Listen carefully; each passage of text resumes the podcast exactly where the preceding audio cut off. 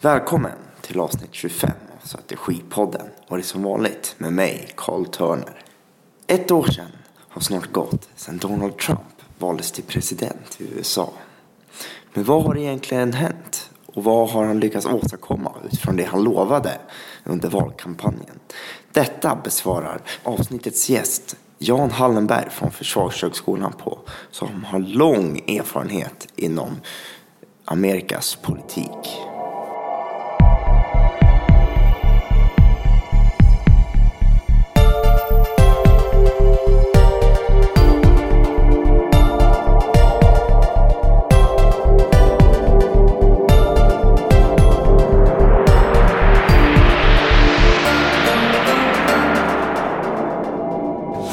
Ja, då säger jag varmt välkommen till Jan Hallenberg till Strategipodden. Tack så mycket. Hur står det till med dig? Jo, det är bra, tack. Härligt.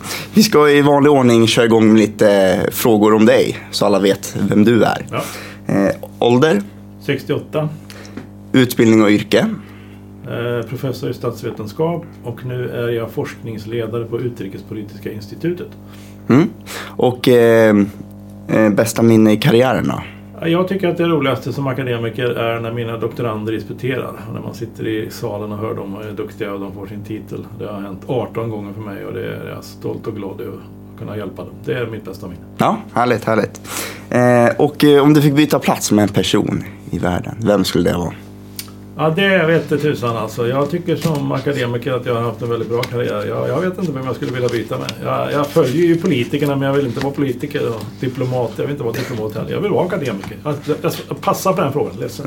Det är skönare att betrakta så att säga. Ja, Ja. jag tycker det. Iaktta, analysera, försöka förstå. Det är det jag försöker göra. Framförallt det gäller USA då, internationell politik. Precis, i USA. Du, du har varit med mycket media i alla fall. Ja, ja precis. Och jag, min första minne av amerikansk politik det är 1962 i oktober-november när John Kennedy håller sitt tal. eh, Blockaden på Kuba, Kubakrisen. Okej, och det var där själva Ja, då, då intresset föddes. väcktes intresset på allvar. Ja, jag förstår. Eh, och eh, vi ska ju prata här då, ett år med Trump, eller det är ett Ja. år sedan han blev invald i alla fall. Ja. Då. Och eh, om du själv får sammanfatta, hur har det gått för han? Om vi tar farhågor Ja. versus verkligheten. Alltså många utav farhågorna har ju besannats. Jag sa vid något offentligt framträdande här att det kommer att bli kaos. Och det tycker jag det har blivit i stor utsträckning. Eh, sen vad gäller inrikespolitiken så kan man konstatera att det har hänt väldigt lite när det gäller lagstiftning och sånt där. Men däremot har ju presidenten utfärdat ett antal presidentdekret, eller eh, exekutiva beslut som det kallas. Så han ändrar ju USA i viss utsträckning och, och många av de där är ju Många av de där dekreten är ekonomiska och förenklar ekonomins funktionssätt men jag är inte så säker på att det är så bra. Och dessutom har han gjort en del på miljösidan som jag inte heller tycker är eh, främjar miljön. Och vad gäller internationell politik, vilket är ju huvudfrågan här, så är det... Han, hans inställning är ju att han, och det förväntar man mig från början, att han är transaktionalist. USA ska ha ut någonting av varje enskild relation till en annan stat. Han är inte institutionalist, han tror inte på stora samarbetsområden. Och, och det som jag fruktade och det som håller på att besannas är att han försvagar det internationella institutionella samarbetet. Både säkerhetspolitiskt och inte minst på handelsområdet. Och det fruktade jag från början och en del av det har hänt och jag fruktar att det kommer hända ännu mer. Och vad gäller krig och risken för krig så har han ju fortsatt Obamas strategi i kampen mot Isis. Han har låtit militärerna agera lite mer på egen hand. Men det som skedde nu i Raqqa och det som skedde i Mosul skulle ha skett under en president Hillary Clinton också. Plus minus tre månader tror jag. Så man ska inte överdriva skillnaden. Men skillnaden kan möjligen vara på vad gäller Nordkorea-konflikten. Alltså här är det ju väldigt osäkert vad som händer och där fruktar jag Trumps agerande med tweets och förenklade uttalanden och förnedring av motståndaren. Alltså försvårar en redan väldigt svår situation. Så där är jag orolig på den här sista punkten. Vad som kommer att hända under de nästa tre till sex månaderna. Okej, hur, hur tror du han kommer reagera kring det här? Eller agera? Ja, det, det är förfärligt oklart. Jag tror att han åker till Asien nu nästa månad i början på november. Eh, och han kommer att möta bara i Kina och han kommer att, att tala med kineserna om någon form av utökad påtryckning mot, Nordkorea. Exakt vad det innebär, det vet inte jag. Eh, jag tror inte att USA kommer att använda våld självt på, först. Men jag fruktar att nordkoreanerna vidtar någon sorts militär åtgärd. Antingen skjuter missiler nära baserna i Guam eller exploderar en kärnvapenladdning över Stilla havet i atmosfären. Båda det skulle ju vara väldigt provocerande för USA. Framförallt det sistnämnda skulle leda till krig. Det förstnämnda beror på hur nära Guam som de slår ner. Så det är risk för konfrontation, militär konfrontation. Mm, mm. Precis, om, om, vi pratar lite om eh, Nordkorea som har varit verkligen på tapeten under hösten. Mm. Eh, vad är din analys av hela? Alltså, det ligger ju någonting i vad Trump säger att han hamnar i en situation där motparten är oerhört nära och håller på verkligen att skaffa sig inte bara kärnvapen, det har de haft i flera år, utan till och med förmågan att skjuta sådana här interkontinentala ballistiska missiler mot USA. Och vad ska han då göra för att bli av med vad han och många i säkerhetspolitiska etablissemanget i USA betraktar som ett synnerligen allvarligt hot? Vad ska man då göra? Och han tror inte längre på förhandlingar. Och det ligger ju någonting i vad han säger också, för tre presidenter har förhandlat tidigare med Nordkorea. Framförallt två presidenter, Bush och Clinton. Och det, de avtalen ledde ju inte till någonting, utan, utan Nordkoreanerna har fortsatt med sitt program. Men å andra sidan, vad ska han göra då? då? Ska han slå till militärt? Alltså, vi vet ju inte riktigt vad slutstrategin är. Men vi vet han har varit ganska framgångsrik hittills med att öka trycket på, på Nordkorea. Flera resolutioner och det verkar vara så att när utrikesminister Tillerson åker runt och möter olika statsledare så har han en lista med sig. Vilka relationer har ni till Nordkorea? Vad handlar ni med? Detta ska ni sluta med. Och sen har de amerikanska ekonomiska sanktionerna blivit väldigt mycket tuffare. Så att tumskruvarna dras hårt på Nordkorea men de har redan sitt kärnvapenprogram så vi vet inte var det slutar. Det är väldigt svårt att veta. Och sen har vi de här både yttrandena och tweeten. Att liksom förolämpa den här ledaren, det underlättar ju inte på något sätt. Alltså. Jag, jag tycker att alltså, situationen är så svår så att vilken president som än sitter ska vara väldigt försiktig med vad han eller hon säger om Nordkorea. Och det är inte Trump. Och det tror jag är väldigt olyckligt. Mm. Så att det här är en stort orosmoln tycker jag. Skulle du säga att det liksom eh, att hans eh, egna agerande genom Twitter har, har lett till den här upptrappade Jag tycker att det delvis har försvårat situationen. Den hade varit svår ändå, mm. men den har blivit ännu svårare genom att han inte kan uh, tänka sig för innan han yttrar sig. Antingen i form av tweets eller i form av verbala yttranden. Men jag tänker, hade det... Eh, Alltså hade det sett likadant som det gjort tidigare med Nordkorea om inte han varit president tror jag att det hade flyttit på så ja, att säga? Eller? Ja, alltså, jag, jag, tror att om vi, det är president, en president Hillary Clinton som är alternativet. Mm. Jag tror att hon också hade ökat trycket på Nordkorea. Hon hade också gått till FNs säkerhetsråd och försökt få sanktioner. Kanske också ökat det ekonomiska trycket. Men inte den här typen av förolämpningar hade ju inte förekommit. Så att eh, det hade varit relativt likt men det faktum att Trump är president gör saken ännu värre och krisen ännu svårare och ännu svårare att hantera. Jag tror att Clinton hade varit skickligare på att hantera krisen, inte nödvändigtvis lösa den, men hantera den. Han riskerar att råka i krig. Mm. Och eh, om vi kollar till eh, hur hans relation med Ryssland har sett ut. Alltså det är väldigt paradoxalt att här är en person som säger att Ryssland och USA egentligen borde ha normala relationer, borde ha väldigt bra relationer. Men samtidigt har ju då kongressen reagerat på ryssarnas inblandning i valkampanjen och andra, andra inblandning i amerikansk inrikespolitik. Kongressen har genomfört lagstiftning som är den mest långtgående efter andra världskriget som sett bakbinder presidentens möjligheter att ha den relation med Ryssland han vill. Så att det är ingen bra relation därför att presidenten kan inte styra den utan det är, i det här fallet är det kongressen som styr den. Så därför är det liksom en, någon sorts låsning här som innebär att det kommer inte bli några bättre relationer med Ryssland om inte Ryssland ändrar sin politik till exempel i Ukraina eller Syrien. Vilket jag inte ser att de gör. Men samtidigt så tror jag inte heller att det blir någon... Alltså det är ju ingen krigsrisk som vi talar om med Nordkorea här. Utan det är dåliga relationer som kommer att fortsätta vara dåliga så länge inte den här Rysslands härvan som undersöks av den här eh, Muller, då, den gamla FBI-chefen. När den är klar så är det möjligt att det kan bli bättre. Men, men jag tror att det kommer att bli väldigt svårt under Trump. Därför att kongressen är så otroligt misstänksam mot hans agerande mot Ryssland. Så att, alltså, under hans första presidentperiod, om det nu bara blir en, så, så tror jag att det kommer att fortsätta vara dåliga relationer med Ryssland. Eh, hela tiden. Det är min gissning. Mm, mm. Precis, för han, eh, han hade i alla fall till en början väldigt Han hade väldigt stora, vänliga, ambitioner, ja. väldigt stora ambitioner och det är oerhört slående att som sagt var kongressen har så tydligt bakbundit honom här. De litar inte på honom. De, dels litar de inte på honom, dels tycker att han är alldeles för mjuk mot Ryssland. Och det är ju en, för en gång skulle det en majoritet i kongressen. Båda partiernas representanter tycker att presidenten är alldeles för mjuk i det här fallet. Och det var ju en, en lagstiftning som han inte kunde lägga in sitt veto mot för det var en sån oerhört kraftig övervikt. Och det är en väldigt tydligt ställningstagande från kongressen som väldigt sällan inträffar i så viktiga utrikespolitiska och säkerhetspolitiska frågor. Mm. Det, det, tror du inte att det kanske hade sett värre ut eh, om Hillary hade blivit eh, president som var väldigt hård i tonen? Det är möjligt alltså. Det hade inte varit eh, bra relationer då heller. Hon hade definitivt tryckt på, på Putin och Putin ogillar uppenbarligen Hillary Clinton. Så de relationerna hade också varit dåliga. Det håller jag med dig om.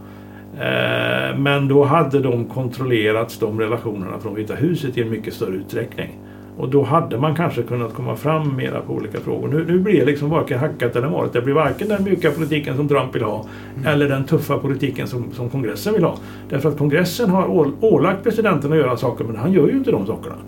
Och så det blir inte så illa som liksom kongressen vill. Va? Så det är liksom en ingenmansland här. Men som du säger, även Hillary Clinton har haft dåliga förbindelser med Ryssland. Det är jag helt övertygad om. Mm. Och eh, eh, USAs eh, position då? Som maktspelare i Alltså, världen? Alltså, det är en väldigt långsam nedgång skulle jag säga i USAs maktposition. Eh, och det beror ju på att dels USA liksom i en allmän mening får en mindre inflytande eftersom andra stater växer snabbare politiskt, ekonomiskt och militärt. Och det är framförallt då Kina som är den stora utmanaren här. Eh, och jag skulle väl säga att alltså det är oerhört svårt att kvantifiera och mäta det här men den här nedgången går lite fortare eftersom Bush, eh, förlåt, Trump spelar sina kort så dåligt. Det är i USAs intresse att det institutionella samarbetet i FN, i NATO, i handelsorganisationerna, i de ekonomiska organisationerna fortsätter. Men presidenten ogillar alla de organisationerna i olika utsträckning. Och därigenom blir USAs position ännu svagare. Och det faktum att han inte förstår detta är ju paradoxalt tycker jag. Eh, och och min uppfattning är ju att de här närmaste rådgivarna, de här generalerna som man alltid talar om. De försöker, och i viss mån utrikesministern, försöker minimera de skador som Trumps politik genomför. Medför. Men det kan de inte göra i fullständig utsträckning eftersom presidenten ändå är en president han är. Mm. Så att jag, jag tror att USAs nedgång som sagt går något fortare eftersom Trump administrationen är oskicklig i det internationella spelet. Och du, du är frågan också, hur hade det sett ut med en annan president? Hade fortfarande varit nedåtgående? Ja, men långsammare. Hillary Okej. Clinton hade varit mycket mer medveten om det institutionella samarbetet och hade främjat det både i FN och NATO, i WTO, internationella valutafonden och i Världsbanken. Alltså i alla de här organisationerna och NAFTA, det stora handelsavtalet i Nordamerika. I alla de här håller Trump på liksom försvårar USAs position och försvagar USAs position. Och han, jag tror att han tror att han förstärker den, men det, är- det är ju, det är ju tvärtom. Alltså. Ja. Och det är det som är så paradoxalt och det tycker jag är olyckligt. Jag menar, den gamle NATO-chefen, eh, NATOs generalsekreterare Jens, eh, Anders Fogh Rasmussen sa ju att om inte USA tar ledningen så kommer banditerna. Och banditer, alltså Kina och Ryssland. Ja. Det ligger någonting i det. Och, därför tycker jag att det är olyckligt att USA tappar i sin maktposition. Mm, mm. Det, det som håller på att hända nu. Då. Ja. Ja. Men eh, om vi ser till, vi har pratat lite nu om Ryssland, Kina och Asien. Eh, om vi ser nu till eh, Europa då. För där var det också innan valet att han uttalade sig negativt om NATO och ja, hela 2%-debatten Ja. som var. Vad gäller NATO så tror jag ändå att de här rådgivarna jag nämnde nyss har kunnat påverka honom. Han accepterar NATO, NATO är nödvändigt. Och han har fått några liksom, eh, skärvor här.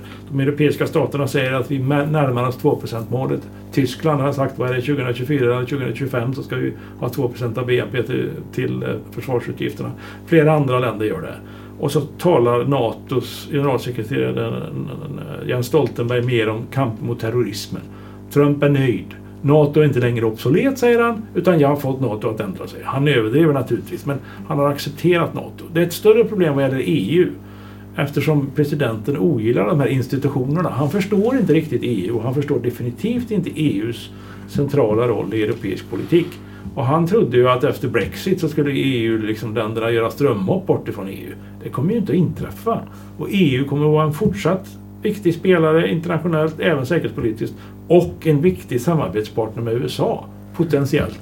Men eftersom Trump inte tror på det så, blir, så blir ju inte, får inte EU spela den rollen. Nej. Och nu är ju också en olycklig sak vad gäller EU och USA det här med uh, Iranavtalet. Presidentens agerande att han inte certifierade avtalet för uh, häromveckan innebär ju att han, hela att avtalet riskerar att gå till spillo. Och där är ju EUs utrikestalesman, utrikesledare Federica Mogherini mycket tydlig med att hon anser att detta är fullständigt felaktigt och att ingen stat kan eh, riva upp avtalet på egen hand. Ja, hon har rätt i det, men på sikt så kan ju USA liksom ändå förstöra avtalet och det tycker jag vore också väldigt olyckligt. Så det finns ett antal stridsäpplen mellan Europa och USA. Det är mer mellan EU och USA än, än liksom i NATO-sammanhanget. Där tycker jag de hanteras bättre. Mm. Och det beror väldigt mycket på att de här rådgivarna, de här generalerna är så starka. Va? Och de är oerhört hårda på att NATO är viktigt. Och jag tror att presidenten har förstått en del av det. ja, ja. Men eh, jag skulle säga att de, de styr honom. Det är nästan de som styr honom eller? Alltså de styr honom i någon liten utsträckning alltså. Men det, alltså, jag tror att de till exempel i Iranavtalet så ville ingen av dem, vare sig utrikesministern eller de här tre generalerna, att det skulle, han skulle desertifieras som det heter, för, som han gjorde veckan. Så så långt kunde de inte påverka honom. Men de kan mm. påverka honom i viss utsträckning. De tycker ju att NATO-samarbetet är ännu viktigare. Så att på marginalen kan de påverka honom. Men inte i grunden. Alltså. Han ändrar inte sina grunduppfattningar och det är ju det som är det olyckliga tycker jag. Och så är det ju kongressval om ett år. Ja. Eh, om du ska förklara vad kongressval innebär Ja, kongressvalet nästa år det är då att hela representanthuset, 435 medlemmar väljs om. De väljs var, vartannat år. Och så är det en tredjedel av senaten som väljs. Och varje, eh, i båda kamrarna så har ju Republikanerna nu majoritet. De har en ganska kraftig majoritet på, jag tror 27 eh, medlemmar fler i representanthuset och fyra mer i senaten. Men av olika anledningar så är det svårare för Demokraterna att vinna majoritet i senaten än i representanthuset. Så att den stora frågan tycker jag är i förstone Kommer Demokraterna kunna vinna majoritet i representanthuset? Jag tror att de har en betydande chans eh, till det. Men det, det som avgör är ju utvecklingen under det närmaste året då. Framförallt om ekonomin börjar gå bättre. Då kan Republikanerna hålla emot. Annars är min gissning att det blir en 20, 30, 40 nya demokrater.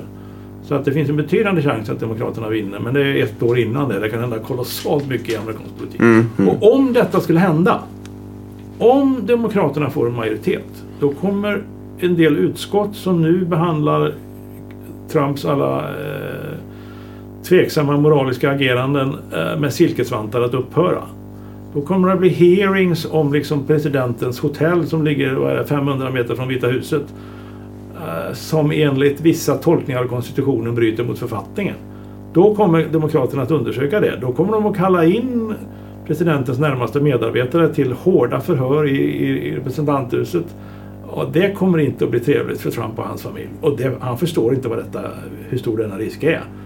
Man kan till och med tänka sig att representanthuset som en följd av de här utredningarna och framförallt om Muller kommer fram till någonting att de eh, ställer honom inför riksrätt. Och att det går igenom en majoritet i representanthuset och så går det till senaten men den kommer aldrig att få tre. Det kommer inte, så ska jag inte säga. Om det inte finns väldigt starka skäl så kommer det inte få tre, två tredjedels majoritet i senaten och avsätta presidenten. Mm. Men han kan få ungefär som, Nick, som Clinton fick 1998 var det väl. En väldigt stark näsbränna eh, och, och, och, försvaga honom. Det tror jag är fullt möjligt. Mm. Tror, tror, tror han skulle så att säga, bry sig om han fick en näsbränna? Ja, det tror jag. Ja. Han, han ogillar ju all kritik och den kritiken skulle ju vara fullständigt mördande alltså.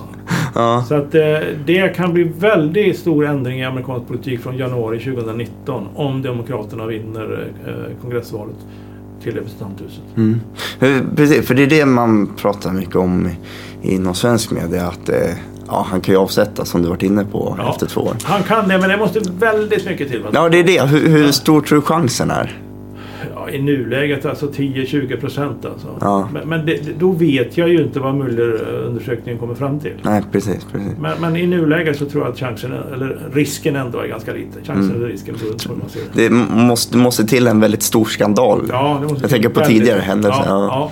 Det måste finnas antingen belägg för att liksom Trump-kampanjen samarbetade med ryssarna i valkampanjen. Eller att de här ekonomiska oegentligheterna som han och hans medarbetare håller på med verkligen är en riktig sån smoking bomb. Alltså, Mm, riktigt mm. Och där är vi inte än alltså. Men jag utesluter inte att vi kommer dit. Precis, precis. Och eh, vad tycker du är övrigt viktigt att lyfta upp här? Ja, K- Kring hans tid som president Ja, och jag framtid. tycker det är väldigt viktigt att lyfta upp att det här är en person som jag tycker urholkar den amerikanska demokratin. Mm. Han håller på och säger att media ljuger. När det tycker, från min perspektiv är det belagt att han själv ljuger. Så man kan läsa de här uppställningarna som finns i amerikanska media om liksom, eh, talar presidenten eller ledande politiker sanning eller inte. Och en del av dem har ju passerat, de har ju passerat 400 gånger som presidenten har ljugit. Och jag menar, jag sitter och lyssnar på honom, jag hör ju att han ljuger. Mm. Jag, jag kan tillräckligt mycket amerikansk politik för att veta detta. Och sen så finns det liksom 38 procent av den amerikanska befolkningen eller 40 procent som tycker att han är liksom ljusets riddare. Alltså det här tycker jag är oerhört olyckligt. Att, in, att så många medborgare kan gå på denne mans väldigt tvivelaktiga sätt att, att äh, ta sig an amerikansk både inrikes och utrikespolitik. Mm. Så att jag, är, jag är väldigt bekymrad att, att en demokrati kan välja en, en så, och kanske världens viktigaste demokrati kan välja en så, så jag menar olycklig person, olämplig person.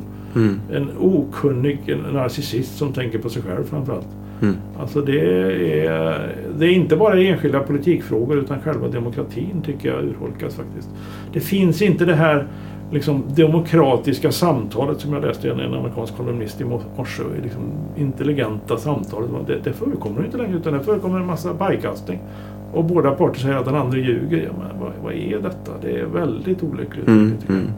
Skulle du säga att han eldar på mycket? Jag tänker på de händelserna i Charlottesville när det Ja, var tycker att- högerextrema. Ja. Ja. det slutade med en som blev påkörd där. Ja. Och, alltså Ja, att han eldar på allting. Ja. Tyvärr så tycker jag han eldar på ja. Mm. Ja, men, det var två sidor som demonstrerade i Charlottesville, ja, men den ena, ena skrik om blood and soil, blod och eh, mark. Mm. Alltså det är ju nazistiska eh, skällsord. De kan inte likställas med vänsterdemonstranterna som presidenten gör. Det är ett moraliskt bottennapp alltså. Och det är många politiker som tycker detta. Senast var det George W Bush som höll tal igår. Mm. Som ju väldigt tydligt framhöll att han inte gillar Trumps agerande. Till exempel den här frågan. Han sa inte så explicit men var och en som läser talet och kan kontexten Ja. inser att han liksom brännmärker Trump här. Ja, ja, vi får se hur, hur det går för eh, denna eh, oförutsägbara man. Ja, precis. Det är, ju- han, han är oförutsägbar. Så man vet inte. Och framförallt, jag, jag, den stora policyrisken det är ju liksom krig med Nordkorea tycker jag. Eh, och, och den stora inrikespolitiska risken är som sagt vad tycker jag urholkar av Mm. Och Om, om du får sätta då, vi jobbar lite procent här så det ska bli begripligt. Ja. Hur, ett krig med Nordkorea, är det Ja, jag skulle säga mellan 10 till 20 procent. Jaha, det är ändå ganska högt ju. Ja, faktiskt. jo, ja. Jaha, ja. ja, vi får se hur det går. Eh, Vi ska avsluta eh, intervjun här med eh, lite ord som jag säger, eller personer. Okej. Och så ska du säga vad du tänker på. Eh, Putin, Ohederlig autokrat. mm. Demokraterna, Eh, ett parti som har svårt att ta sig samman och svårt att vara så positiva, kraftfulla mot Trump som de borde vara. mm. Republikanerna, Ja, alltså ett parti i nedgång som låter sig förföras och stödjer en omoralisk, eh, okunnig ledare tycker jag är väldigt olyckligt. mm. och eh, lördagar. Lördagar ja, men det är trevligt. Då tar man igen sig. Ja, det är bra. Ja, tack så mycket för att du var med. Tack. Tack så mycket Carl. Tack än en gång för att du lyssnade. Och glöm inte att följa Strategipodden på Facebook, Twitter och Instagram.